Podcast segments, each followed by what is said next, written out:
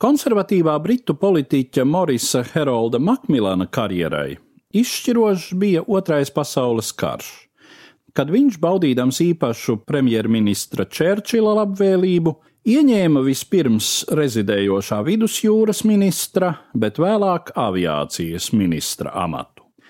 Un Čērčils bija viens no tiem jaunās karalienes Elizabetes II padomdevējiem, kuri 1957. gada janvārī ieteica demisionējušā Antonija Īdena vietā izraudzīties premjerministra amatam nevis Īdena de facto vietnieku Rebu Butleru, bet gan Butlera sīvu Sāncensi, finanšu ministru Makmilānu.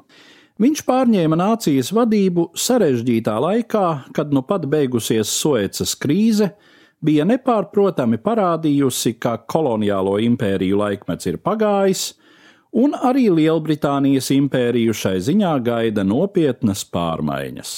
Makmilāna stiprā puse bija viņa pragmatisms un allaž skaidrā, racionālā situācijas izpratne, kas izpaudās arī tobrīd aktuālajā dekolonizācijas jautājumā. Pārmaiņu vējš vējo pāri šim kontinentam, un vai mums tas tīk vai nē, šis nacionālās apziņas pieaugums ir politisks fakts, un mūsu nacionālajai politikai ar to būs jārēķinās deklarēja Makmilans, uzstājoties Dienvidāfrikas Republikas parlamentā 1960. gada 3. februārī.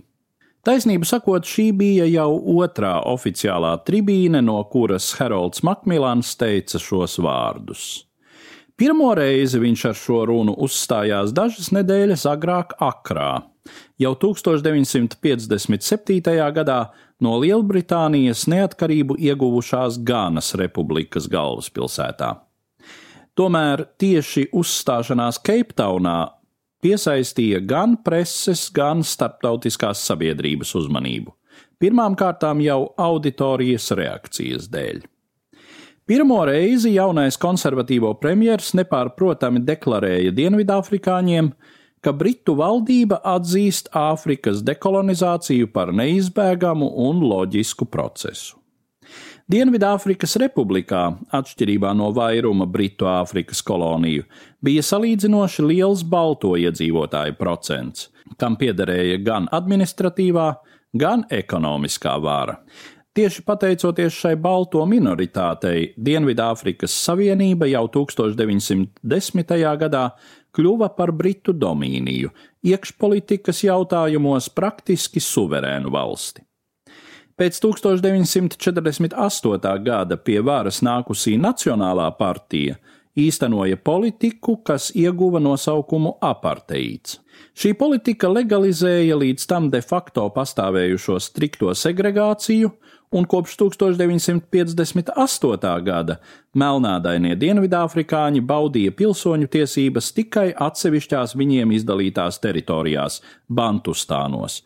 Pārējā valsts daļā demokrātija attiecās tikai uz baltajiem.